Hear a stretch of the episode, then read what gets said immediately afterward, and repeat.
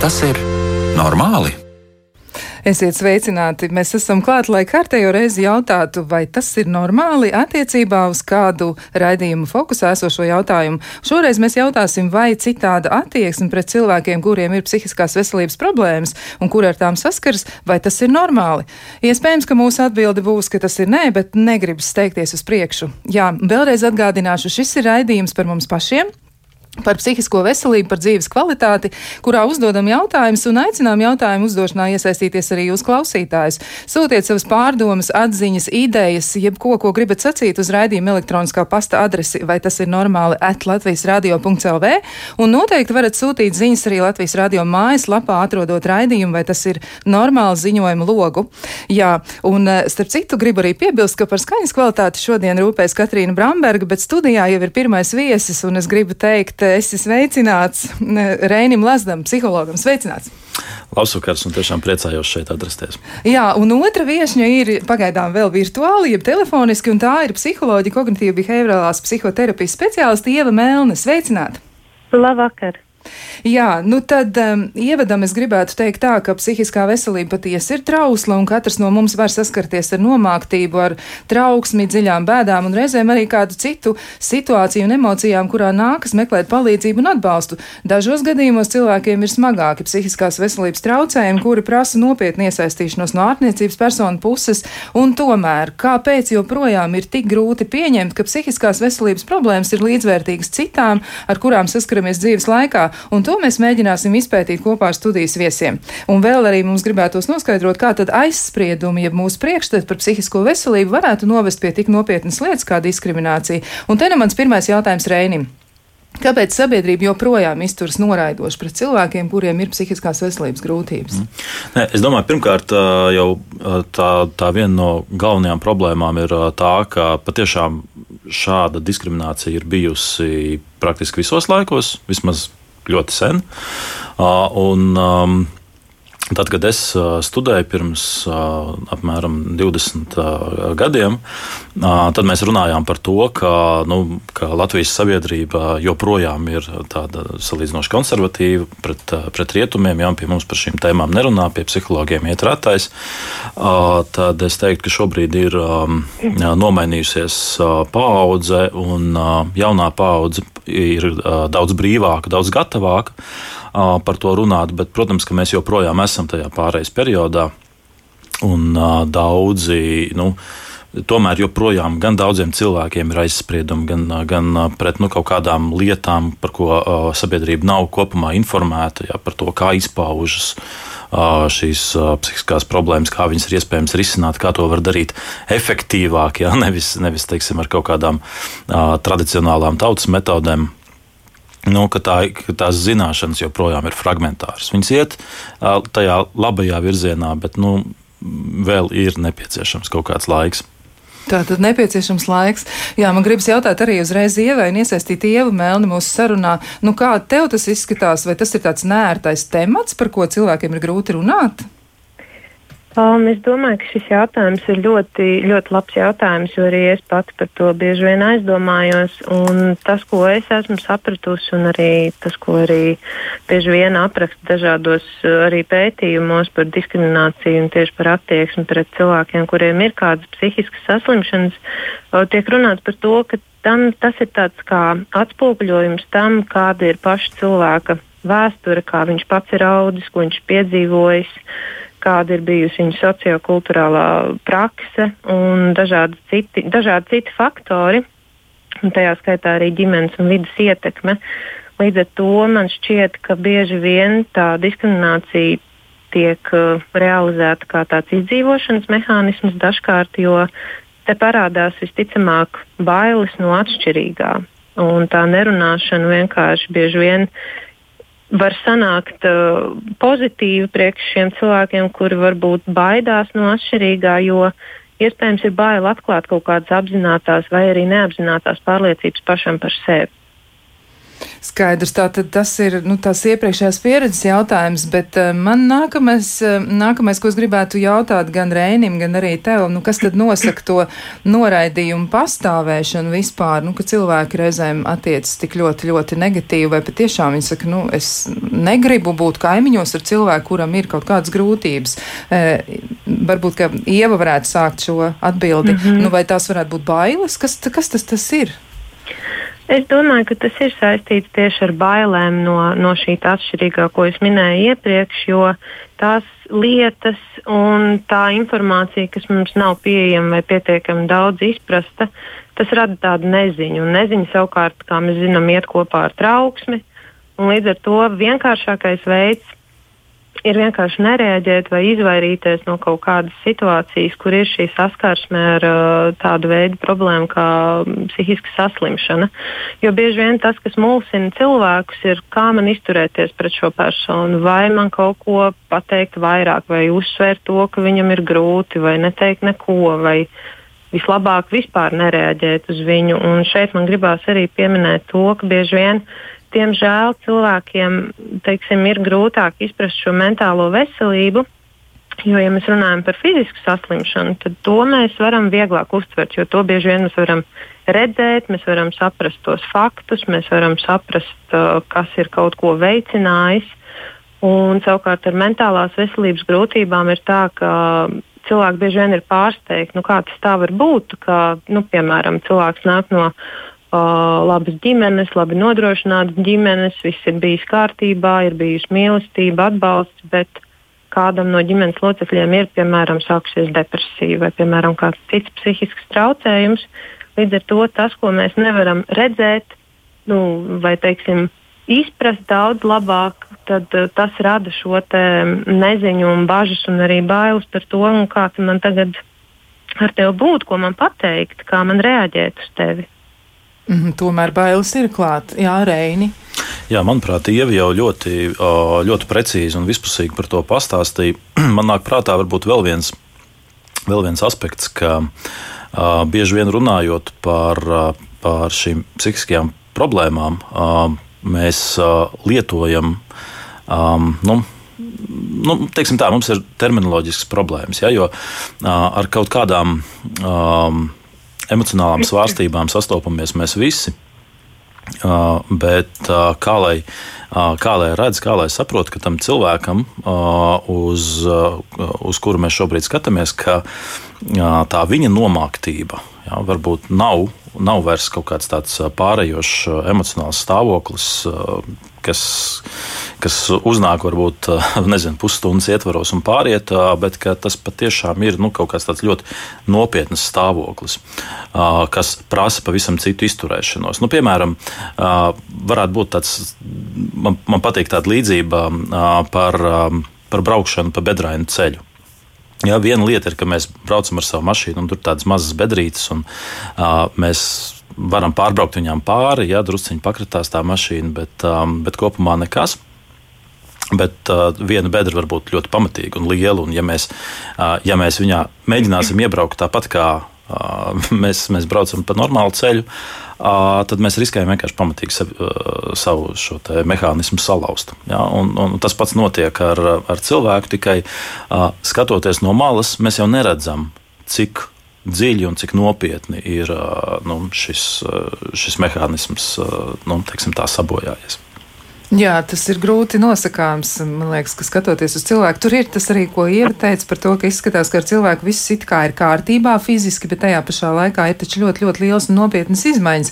Bet eh, vai tas varētu būt saistīts vēl arī ar tādu nu, kultūras iespēju? Kā mēs varam izskaidrot to, ka nu, pret cilvēku, kuram ir bezmiegs, vai viņš saka, ka viņš cieši no trauksmes, mēs izturamies savādāk nekā pret cilvēku, kuram ir nu, traumēta kāja, viņš ir bijis slēpot reini. Nu, kā kā Jā. tas nāks? Ne, nu, Latvijas sabiedrība vispār ir ļoti prasīga. Ja mēs paskatāmies tādās uh, starpkultūru uh, atšķirību uh, skatījumā, ja, tad no, no dažādām pasaules kultūrām mūsu kultūra ir viena no tām, kura no cilvēka pieprasa vienu no vislielākajiem ieguldījumiem, nu, vienmēr uh, spēt būt gatavam tikt uh, galā ar problēmām. Un plus tas, ka mēs esam diezgan lieli individuālisti un um, mm, nu, kaut ko tas dod, ir kaut kāds labums, bet tā negatīvā puse ir arī tā, ka nu, sabiedrība sagaida, ka cilvēki paši tiks galā ar savām problēmām, un, un, un gadījumā, kad to problēmu sakrājas pārāk daudz,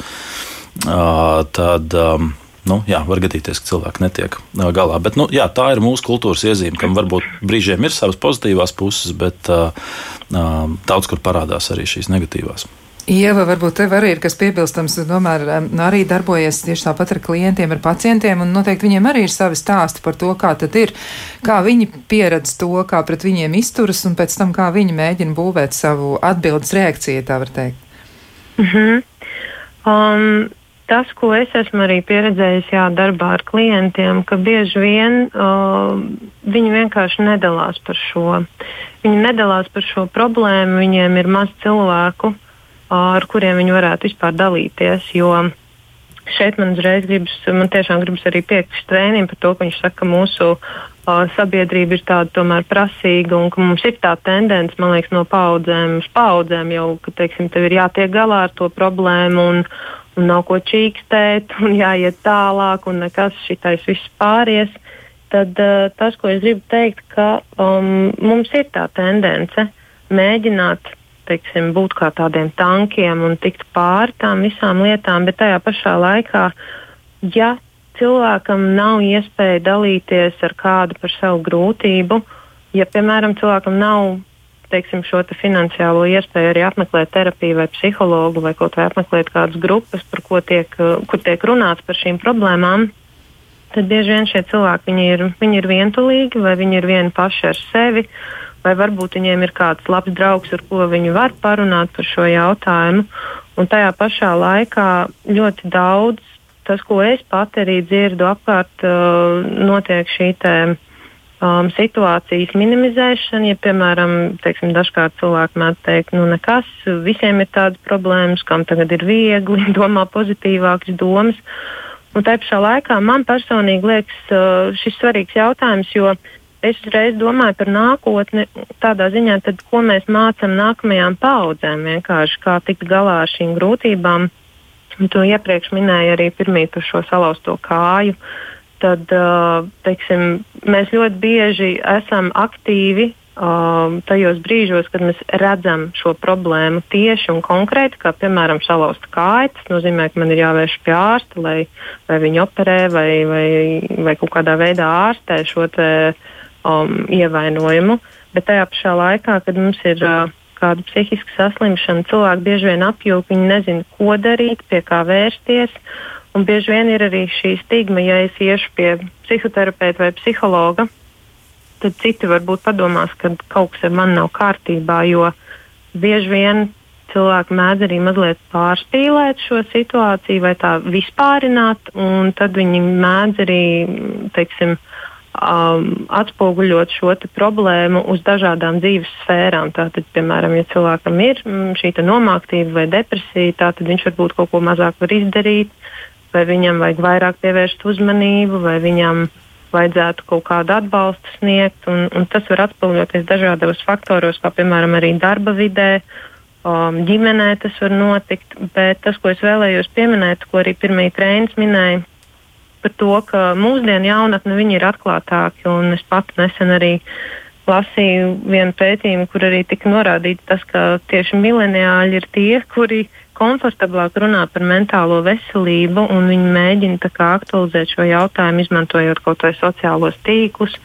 Vai, teiksim, popularizējot uh, kaut kādus nezinu, veidus, kā ar to var tikt galā. Un šajā gadījumā man arī gribas pateikt, ka uh, Um, šobrīd arī ļoti bieži parādās intervijas ar dažādām personām, kas stāsta par šīm psihiskās veselības grūtībām.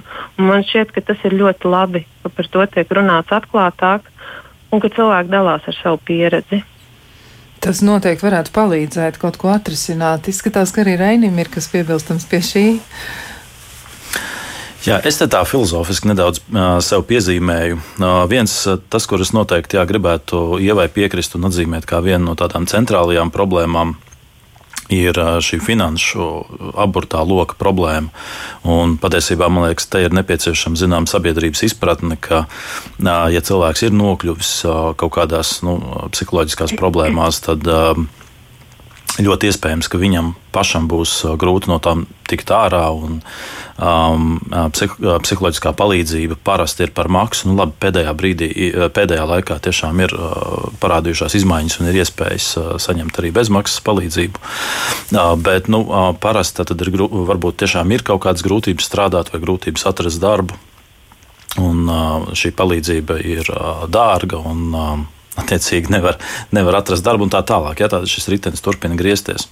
Uh, otrs, um, tas varbūt, ko, ko manuprāt, uh, mani kolēģi retāk piemin, uh, ir, uh, ka uh, šis. Uh, Psihiskās problēmas nereti izriet tieši no tā, ka cilvēks ir ļoti centies un, un bijis ļoti ambiciozs, nu, piemēram, izdegšana. Tā kā es vairāk strādāju ar darba lietām, tad šī ir tāda klasiskā problēma darbā, kas visbiežāk piemeklē tieši uh, ambiciozus, tieši tādus cilvēkus, kuri kaut ko savā darbā grib uh, izdarīt. Ja? Un tad, kad viņi sastopas ar apkārtējās vidas uh, radītiem šķēršļiem, ja? viņi redz, ka nu, tas, tas, tas viņu plāns nedarbojas, viņi nevar izdarīt to, ko viņi gribētu. Ja? Tad, um, tad um, viņi iesprūst un zaudē šo uh, deksmi. Ja, un, uh, tātad, tas, kas sākotnēji ir uh, bijusi viņa tā, uh, tas ambīcija pamats, tā spēja pielāgoties, ja, tad um, uh, šajā brīdī tā spēja saņemties, uh, viņam tieši um, nu, sāk traucēt, jo viņš jau ir sevi izsmēlis tik tālu, ka viņš vairs nevar nu, normāli um, atbrīvoties un, un, un atjaunoties, kā varbūt nu, tāds mazāk ambiciozs cilvēks varētu izdarīt. Jā, noteikti tas ir traucēklis tādā ziņā, jo no vienas puses ambīcijas tas ir labi, bet ja tas ir pret pašu cilvēku, tad sanāk tā, ka viņš pats sev nodara pāri, jo viņš varētu būt no tiem, kas saka, nu es jau varu, es vēl varu un es varēšu vēl kādu laiku, un beigās sanāk tā, ka viņš sabrūk un nekas tad vairs tālāk nevar notikt, viņam ir ļoti grūti. Starp citu, jā, klausītājiem arī noteikti mēs gribam atgādināt, ka šobrīd ir iespējams saņemt palīdzību, var mēģināt atrast kādu, kurš jums jūs atbalsta un ir, ja es pareizi atceros, un man šķiet, ka tā arī ir. Ir pieejamas eh, psihologa konsultācijas arī bez maksas, un, manuprāt, skaits ir desmit. Ieva Melne arī strādā ar, ar, ar nu, saviem pacientiem, bet varbūt, ka jau var precizēt. Arī noteikti kolēģi strādā šajā jomā, un Ievai noteikti precīzas ziņas. Man liekas, tās bija desmit konsultācijas, ko varēja šobrīd saņemt. Arī tādas kopējas palīdzības ietvaros, arī, nu, kuru, kuru ir aktualizējusi Latvija saviem iedzīvotājiem tieši saistībā vairāk gan ar Covid-19, bet, nu, patiesībā tas attiecas arī uz daudzām citām problēmām. Ieva, vai tā ir? Jā, tā, tā ir. Tas, tā doma ir, ka cilvēks var vērsties pie sava ģimenes ārsta. Un ģimenes ārsts, cik man šobrīd ir arī zināms, ka ģimenes ārstiem ir šī informācija arī saistībā ar šo psiholoģisko palīdzību, ko var saņemt pats cilvēks. Protams, jā, tas ir arī, kā tu arī iepriekš minēji, saistībā ar Covid-19, bet jebkurā gadījumā uh, Šī informācija noteikti ir pieejama arī internetā, un es domāju, ka vēršoties pie ģimenes ārsta, tad to arī var noteikti noskaidrot, kas ir tie speciālisti, pie kuriem noteikti var vērsties, lai varētu saņemt uh, vai nu bezmaksas, vai par samazinātu cenu šīs psiholoģiskās konsultācijas. Jā, tā ir laba ziņa. Laba ziņa visiem, kuriem ir nepieciešams atbalsts. Un arī klausītāji raksta par savu pieredzi. Viens no pieredzes stāstiem ir tāds. No savas pieredzes, eh, nu, balstoties uz savu pieredzi, protams, ir dažādas saslimstības pakāpes. Arī es esmu izmantojis psihologu palīdzību, esmu viņiem pateicīga. Pēc manas dzīves biedra aiziešanas, pēc gada man sākās emocionālas dziļas svārstības. Tas ir normāli lūgt un saņemt palīdzību. Jūt arī darba vietā izpratni un plecu sajūtu. Nu, tas ir viens no tādiem ļoti veiksmīgiem, labiem pieredzes stāstiem, kur tiešām cilvēks ir saņēmis atbalstu. Bet dažos gadījumos ir tā, ka tas nemaz tā nenotiek, un cilvēki nestāsta savās darba vietās par to, ka viņiem ir nu, tādas diezgan nopietnas problēmas. Varbūt šoreiz Ieva varētu sākt ar atbildi uz šo jautājumu, kāpēc tas tā varētu notikt, un tad Reinis noteikti varētu kaut ko piebilst. Mm -hmm. um, tas, ko es pat arī esmu sapratusi, strādājot darba vidē, ka pirmkārt šeit noteikti ir šī te, mm, problēma sakarā ar informētību par to, ko nozīmē psiholoģiska rakstura traucējumi vai kaut kāda veida grūtības, kas, piemēram, var būt kā depresija vai trauksme. Um, cilvēkiem pietrūkst informācijas. Un viena lieta, kādēļ tas tā notiek, ir tādēļ, ka varbūt viņi paši nemeklē šo informāciju, jo tas visbiežāk nav aktuāli. Mēs esam tomēr arī pieraduši, ka pieņemot darbā cilvēkus, tad uh, viņi mūs informē. Mēs ceram uz to, ka viņi mūs informē par kaut kādām situācijām, kur varbūt viņi jūtas, ka viņiem šis atbalsts būtu vajadzīgs. Un visbiežāk šie cilvēki par to nestāsta. Un viņi to nestāsta visbiežāk tādēļ, ka ir bažas par to, ka varbūt uh, viņi netiks saprasti. Vai, piemēram, ja tā ir darba intervija, tad viņi varbūt netiks paņemti šīs problēmas dēļ. Jo mm, cilvēkiem ir tendence arī ģeneralizēt uh, šos simptomus, ja tā var teikt. Jo tas, ko mēs visbiežāk redzam, ja mēs īpaši neiedziļinamies šajā jautājumā, mēs reiz atceramies kaut kādas filmas vai, vai, piemēram, kaut kādus rakstus par to, ka, ja cilvēkam ir depresija, tā, tad tās sekas var būt diezgan briesmīgas. Mēs tagad paņēmām kā piemēru tieši depresiju, jo tas ir tāds, tāds uh, bieži sastopams traucējums, uh, saslimšana. Un līdz ar to, ja cilvēks nav informēts, ko tas nozīmē, teiksim, kādās pakāpēs šī depresija var būt. Un šeit nedomāju par to, ka cilvēkam ir jāzina visas klīniskās nozīmes tam, bet vispārīgi tad uh, bieži vien tiek pieņemts tāds lēmums, ka nu, jā, tā depresija tas noteikti ir kaut kas grūts. Un, un es nezinu, vai mēs šajā darba vidē varam tikt ar šo galā. Bet tajā pašā laikā man šķiet, ka labs risinājums noteikti ir tas, ka darba vidē tiek apmācīti līderi vai tiek viņi informēti par par dažādu veidu grūtībām, ko var piedzīvot jebkurš cilvēks. Līdzīgi kā Reinis teica iepriekš, jā, kad mums katram ir kaut kādas emocionālas situācijas, kur var izpausties kaut kādi simptomi. Um, tad nākamā lieta, man liekas, ir būtiski arī domāt par šo veselīgo vidi, kurā cilvēks uzturās, vienalga vai tas ir mājās vai tas ir darbā. Un, protams, arī tas, um, ka būtu svarīgi mācīties faktus par šo mentālo veselību un mācīties arī nenosodīt šos cilvēkus, kuri kaut ko tādu piedzīvo. Tas ir svarīgi. Jā, iespējams, ka jāpasteidzas jau ir ātrāk um, sniegt informāciju pirms kāda problēma ir sākusies. Varbūt arī patiesībā jau pat skolā mēs varētu par to runāt vairāk Jā. ar bērniem. Jā, Reini, varbūt ir vēl kas arī pie šī sakāms. Jā, arī daži piemēri no no konkrēti manas prakses. Um, Ir gadījumi, kad cilvēki tik ļoti nu, baidās no savas darba devēja reakcijas, ka, zināt, kā darba devējs reizēm neko īpaši pat nedomājot, mēdz uzstājīgi darbiniekam jautāt, nu, kas tev ir par problēmu, kas par lietu, jā, kāpēc tev ir slimības lapa. Un um, darbinieks, nu, saprotot, ka viņam tagad ir jāsaka, lūk, viņam ir depresija, ja viņš iet pie, teiksim, pie psihiatra, viņam ir jālieto zāles, psihoterapija vai tam līdzīgi tad tā vietā, lai pateiktu darba devējam, viņš jau uzreiz raksta atlūgumu. Nu, jo viņam ir kauns pateikt, viņš, viņam ir kauns arī neteikt neko darba devējam. Jā, tad viena lieta, ko darbinieks arī, ko, es, ko es mēdzu teikt, nu, ka nav pienākums nemaz teikt, jā, ka, ka tā ir informācija, kas ir tava privāta.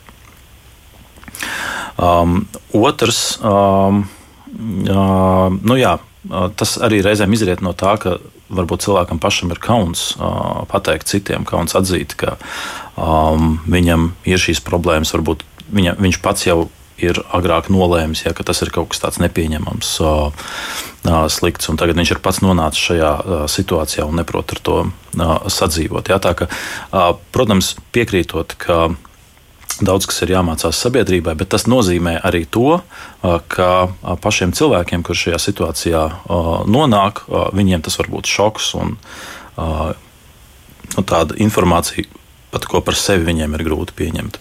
Jā, bet tas arī ir saistīts ar to, ka droši vien tas darba ritms vai arī vispār nu, sabiedrības attieksme pret darbu, kurš arī, kā tu pats teici, ir saistīts ar ambīciju piepildīšanu vai tādām lietām, nu, mērķu sasniegšanu vai ko citu, un arī darba devēja interesēm. Tas ir apburtais lokus, kurā cilvēks atrodas. Viņam ir problēma, kur iespējams ir jārisina ilgākā laika posmā, un tam ir nepieciešams vairāk resursu nekā tajā brīdī viņam ir. Bet viņš ir tajā situācijā, kad viņam nav īsti iespējas to darīt. Un arī tas finansiālais sloks, kas dažos gadījumos ir tā, nu, tā izveidojas, jā, varbūt ar desmit sesijām ir par maz, cilvēkam ir vajadzīga ilgāka palīdzība un atbalsts, un tam finanses arī ir nepieciešams, un tas nav nebūtu tik vienkārši.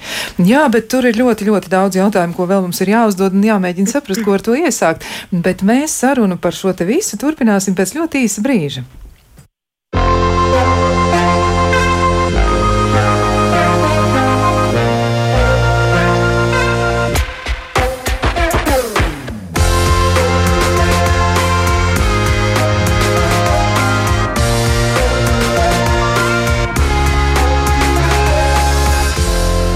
Vai tas ir normāli?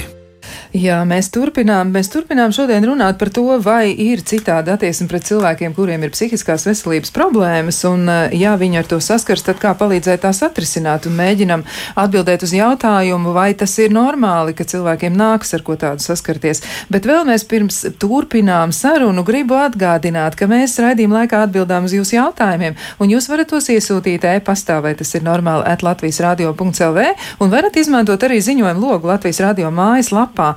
Eh, raidījuma tiešraides eh, laikā jūs varat piedalīties. Un patiesībā es aicinātu jūs dalīties ar jūsu pieredzes stāstiem, ja kādam ir iespēja pateikt kādu vārdu par to, kā jums ir klājies, ja jums ir tas bijis aktuāli, ka jūsu psihiskā veselība varbūt ir sašūpota uz kādu brīdi, vai jūs esat saskārušies ar grūtībām, un jums ir kāds stāsts, kā jums ir izdevies to atrisināt, vai arī, nu, varbūt tieši arī par grūtībām runājot, ir kāds, eh, kas sakāms par to, kā tas ir bijis, tad noteikti aicinu dalīties ar šo un mēģināsim arī apspriest, kā tas ir un varbūt caur to palīdzēt mm, pārējiem, kuriem arī ir kāda tāda problēma.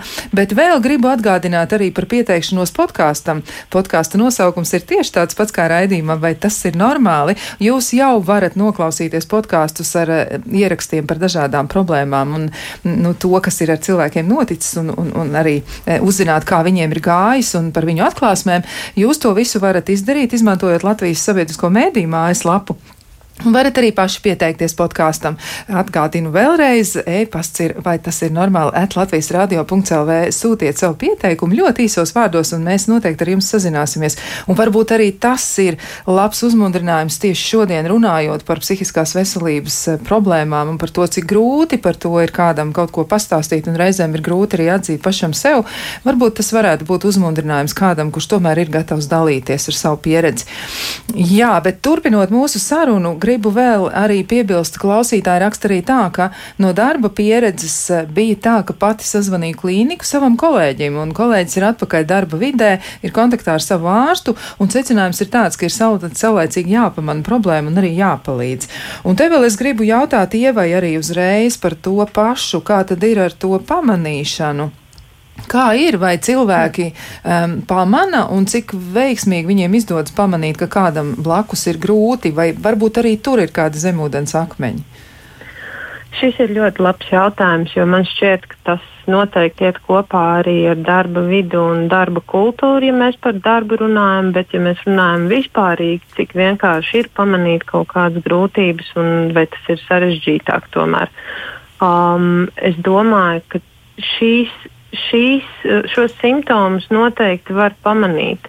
Ir ja tīpaši tie cilvēki, kas ir ikdienā kopā um, teiksim, ar, ar kādu, kuram šie simptomi parādās, tad uh, to ir vienkārši pamanīt, jo mēs jau saprotam, kāda ir cilvēka verbālā, neverbālā uzvedība, kā pamainās noskaņojums, vai cilvēks ir runātīgs un pēkšņi ir kļuvis nerunātīgs. Tāds, un, uh, tāds, kurš vairs negrib kaut kur iesaistīties vai grib palikt tieši mājās un neiet nekur. Un šeit man gribas arī pieminēt, ka tieši šajā periodā, kamēr ir arī Covid laiks, es domāju, ka ļoti daudzi o, cilvēki, kuriem ir um, tāda psihiska saslimšana, o, viņi visticamāk bieži vien arī piedzīvo kaut kādus simptomus, sāsinājumu, vai, piemēram, bezcerību, vai, piemēram, sāk vairāk izolēties, vai, piemēram, atkal paaug, paaugstinās šie psihi, psihiskie simptomi. Bieži vien cilvēki arī atmet ar roku tam, lai vērstos pēc palīdzības. Bet atgriežoties atpakaļ pie jautājuma par to, cik viegli tas ir pamanāms, es domāju, ka tas, kas palīdz pamanīt, ir runāšana savā starpā. Un, lai cik tas arī nebūtu, varbūt neliktos baigi vienkārši runāt, bet tik tiešām atklāta saruna uh, ar, ar otru cilvēku. Um, tā palīdz labāk izprast, kas īsti ir noticis. Un, ja mums ir laba, labs kontakts ar šo cilvēku, tad mēs varam pajautāt, klau, es esmu pamanījis, ka tu esi mazliet izmainījies noskaņojumā, vai kaut kas ir ar tevi noticis, vai tu vēlies par to padalīties. Un bieži vien cilvēki arī labprāt padalās, un vienīgais jautājums, pie kā viņi visticamāk nonāk, ir, ko darīt. Un es domāju, šis piemērs, ko tu minēji iepriekš, ka um, cilvēks ir sarunājis vai palīdzējis atrast uh, palīdzību. Es domāju, tas ir ļoti pozitīvs piemērs, es tiešām gribētu iedrošināt katru cilvēku, kas zina savā dzīvē kādu, kuram ir kaut kāda veida grūtības, vai viņš pamana, ka ir izmainījies pēc noskaņojuma vai uzvedības, mēģināt iedrošināt vērsties pēc palīdzības, jo palīdzību ir iespējams saņemt. Pat uh, ierakstot internetā, uh, psiholoģiskā palīdzība izlaiž laukā ļoti daudz piedāvājumu. Un, un es domāju, un es gribētu arī iedrošināt, nebaidīties no tā, jo tas tik tiešām bieži vien var palīdzēt. Līdz ar to šī pamanīšana par simptomiem noteikti iet cauri sarunām, protams, arī neverbāli novērojot cilvēku, bet uh, runāšana tiešām palīdz. Jā, runā ir, bet nav tik viegli runāt. Reini. Mm -hmm. nu, es varbūt piebilstu vienīgi to, ka jā, tam, kurš runā, mm, vajadzētu ievērot zināmu nu, to, teikt, distanci. Ja, un, Um, jo, jo reizēm ir tā, ka atnāk teiksim, kolēģis un, un pasakā, klausies, šitam te ir baigās problēmas. Jūs tieciet ar viņu galā. Ja? Viņš tur šito dara nepareizi un to dara nepareizi. Un jau, jau, jau ir uzstādīta diagnoze, jau, jau zina visu, kas ir jādara. Uh, bet nu, tas patiesībā var liecināt arī par, par, par pavisam kaut kādām citām lietām. Ja? Par to, ka ir kaut kādas teiksim, ne, vienkārši nesaskaņas starp kolēģiem un varbūt tā problēma slēpjas pavisam kaut kur citur. Ja? Tā kā nu, protams, palīdzēt un iesaistīties un, un nu, uzklausīt un piedāvāt palīdzību noteikti ir vērts, jā, bet tomēr pašu no tādu profesionālo palīdzību labāk es ieteiktu atstāt profesionāļu rokās. Tas gan, jā, no vienas puses tā ir, bet um, mums ir arī noteikti jāizšķir. Ir cilvēki, kuriem ir ļoti, ļoti smagi psihiskās veselības traucējumi, un, un viņi arī atrodas aprūpē, un bieži vien arī ir tā, ka viņi atrodas stacionārā kādu laiku. Bet arī par to ir klausītājiem piebildi, un viens no klausītājiem raksta, ka nav jau normāla attieksme pret pacientiem psihiatriskajās slimnīcās. Tur taču režīms ir kā cietumā aizrastotie logi, un uh, slimnieki, pacienti ir, ir, ir pa kādiem 20, 30 vienā palātā. Ja? Nu, varbūt, ka pat nav gluži gluži 30, bet pilnīgi pietiek, ja tur ir vairāk kā divi vai trīs cilvēki.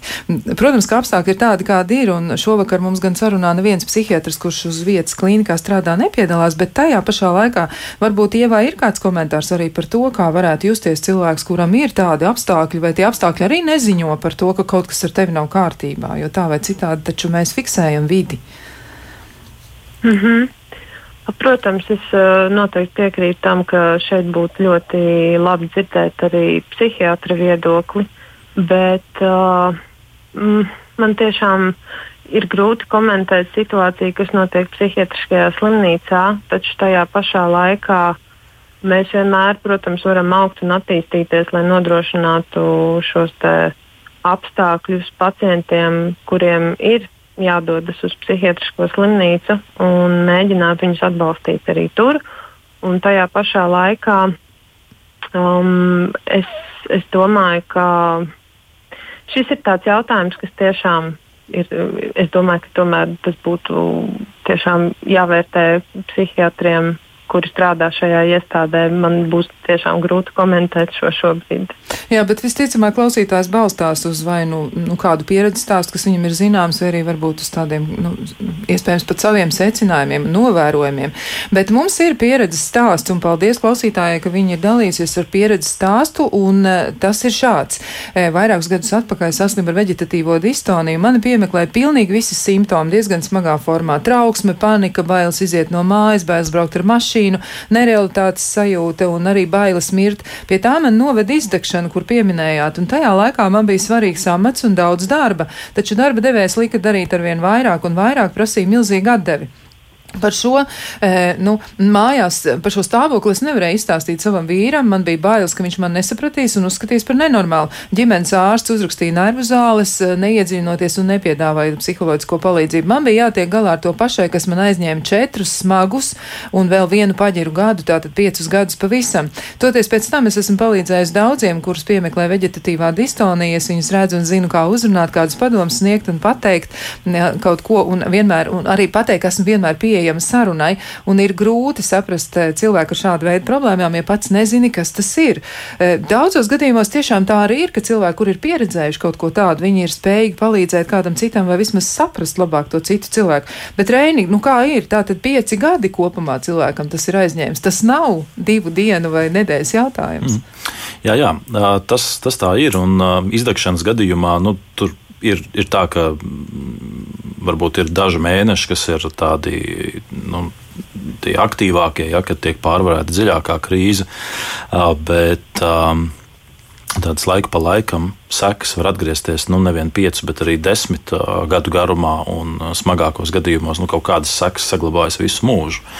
Tā ka tā patiešām nekādā gadījumā nav joka lieta. Ja? Un, tas piemērs ir ļoti labs, jo parāda, ka tieši nu, tāds atbildīgs darbinieks ar.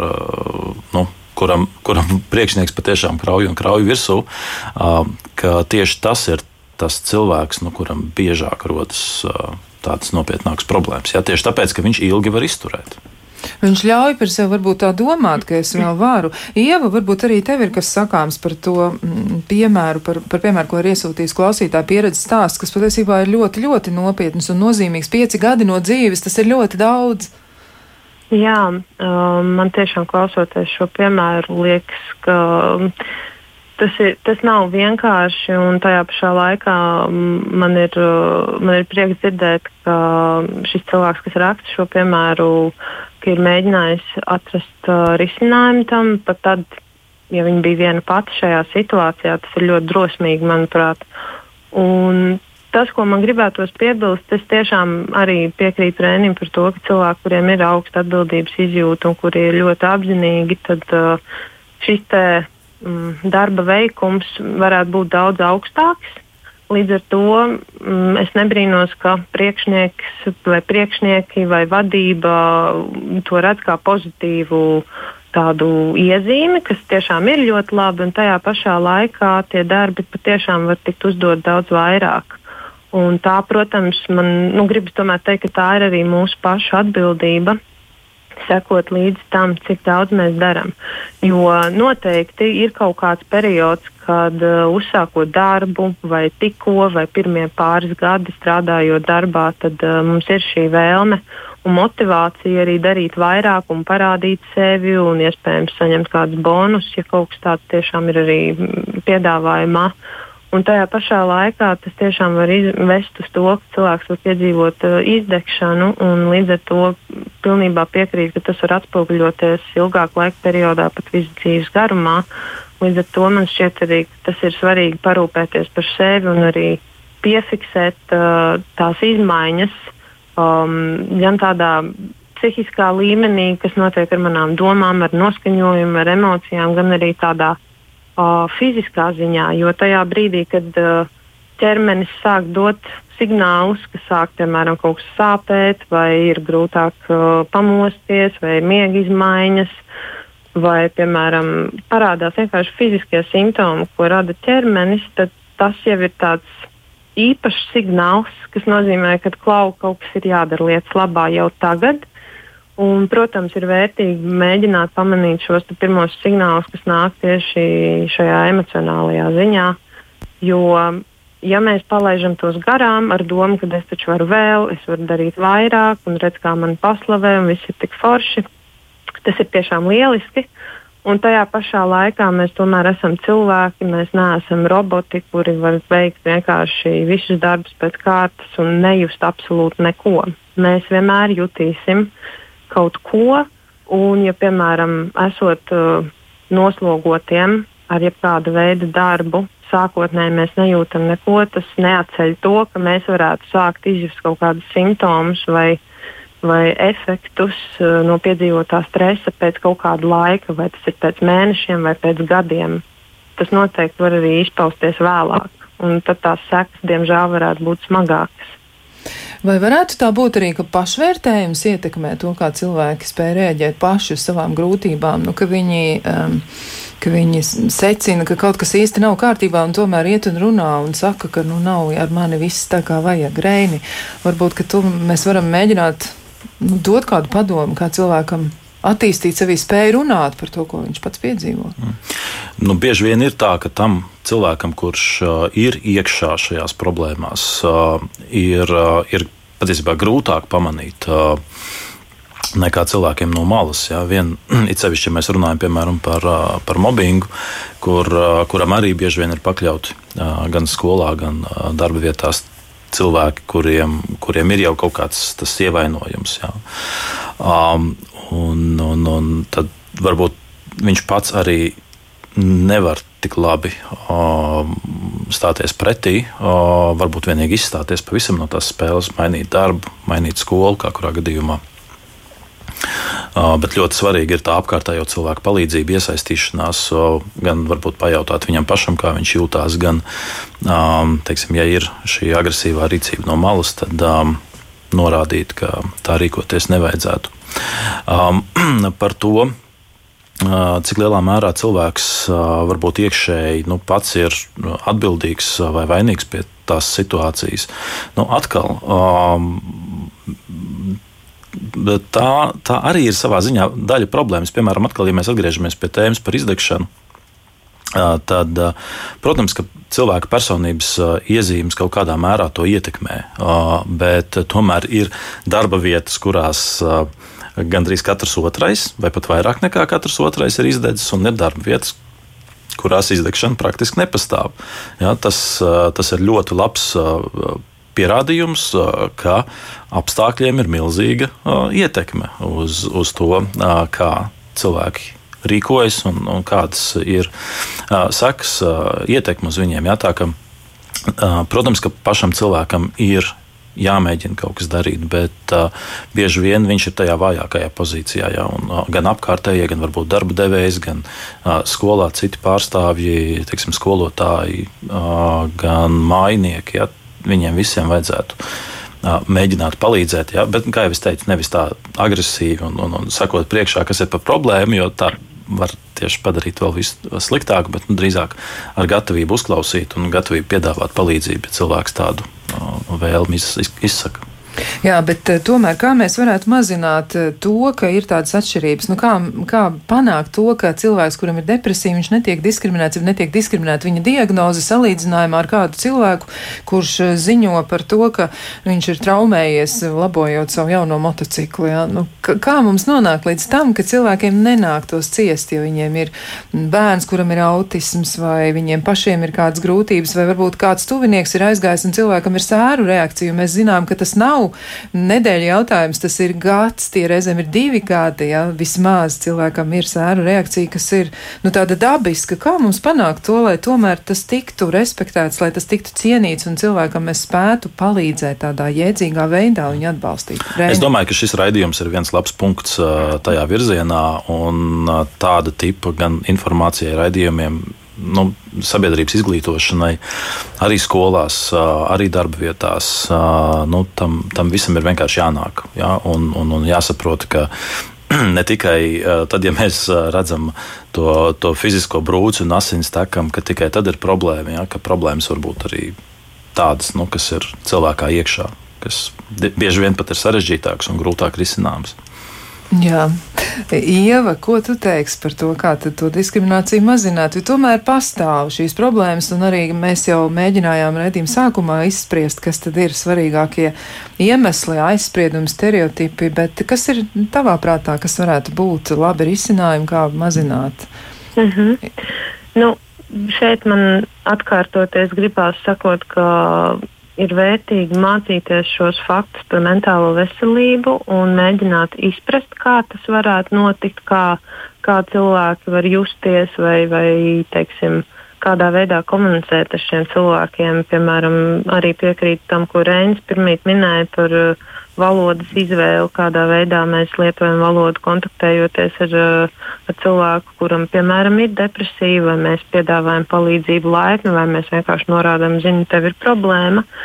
Tad uh, papildus man šķiet, ka ir svarīgi arī atcerēties to, ka cilvēks, kuram, piemēram, ir depresija, ka viņš, viņš joprojām ir cilvēks. Tātad uh, cilvēks nav slimība. Uh, Un ir ļoti būtiski arī mācīties nebūt stereotipiskiem. Tātad mēģināt uh, pavērt savu zināšanu loku, mēģināt izprast, kas īsti notiek, uh, kas ir tie faktori, kas var ietekmēt uh, šī cilvēka stāvokli vai, vai kādēļ vai kādēļ viņi varbūt var justies tā vai citādāk. Jo šeit es nedomāju par to, ka varbūt uzreiz būtu jāiedziļinās tieši konkrētajā problēmā un, un izšķetināt visu no A līdz Z, bet tajā pašā laikā es domāju, ka tas pats piemērs uh, par to, ka varbūt cilvēkam ir sēras. Es domāju, tas jau ir pietiekami daudz, lai varētu saprast to, ka šis ir ļoti nozīmīgs iemesls, kādēļ varbūt cilvēks piedzīvo šo depresiju, tajā pašā laikā man šķiet, ka ir svarīgi izglītot gan sevi, gan arī citus šajā sakarā. Um, protams, arī izrādīt iejūtību attiecībā uz šo, uz šo situāciju. Jā. Tātad tomēr izglītošana. Un ko tad varētu teikt arī tiem cilvēkiem, kuriem ir pašiem grūtības, jo mēs runājam arī par līdzcilvēkiem, par tiem, kurus vajadzētu izglītot darba devējiem, bet uh, pašiem tiem cilvēkiem, kuriem ir psihiskās veselības problēmas, lai viņi tomēr laicīgāk vērstos pēc palīdzības, jo ir tā, ka nu, pētījumu dati liecina, ka biežāk, biežāk eh, psihiskās veselības problēmas tiek diagnosticētas stacionārā līmenī vai arī tiešām nu, tādā gandrīz pēdējā brīdī, tādā kritiskā situācijā situācijā reizēm. Ieva, ko tu sacītu, kas būtu tāds labs darāms, lai cilvēkus varētu atbalstīt un uzmundrināt, lai viņi laicīgāk dodas pie palīdzības sniedzējiem? Mm -hmm.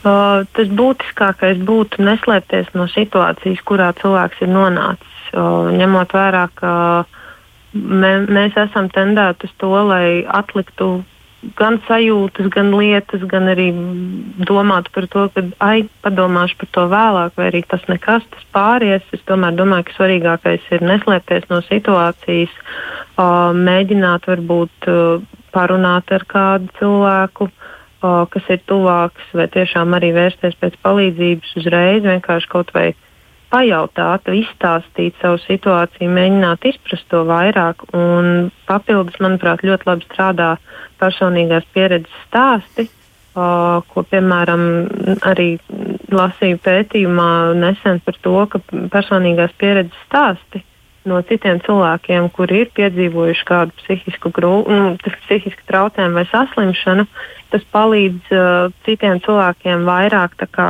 paskatīties uz sevi arī no tās pozitīvās puses. Tātad, pirmkārt, es neesmu viens, kas atrodas šādā situācijā. Ir vēl citi cilvēki, kuri piedzīvo kaut ko līdzīgu.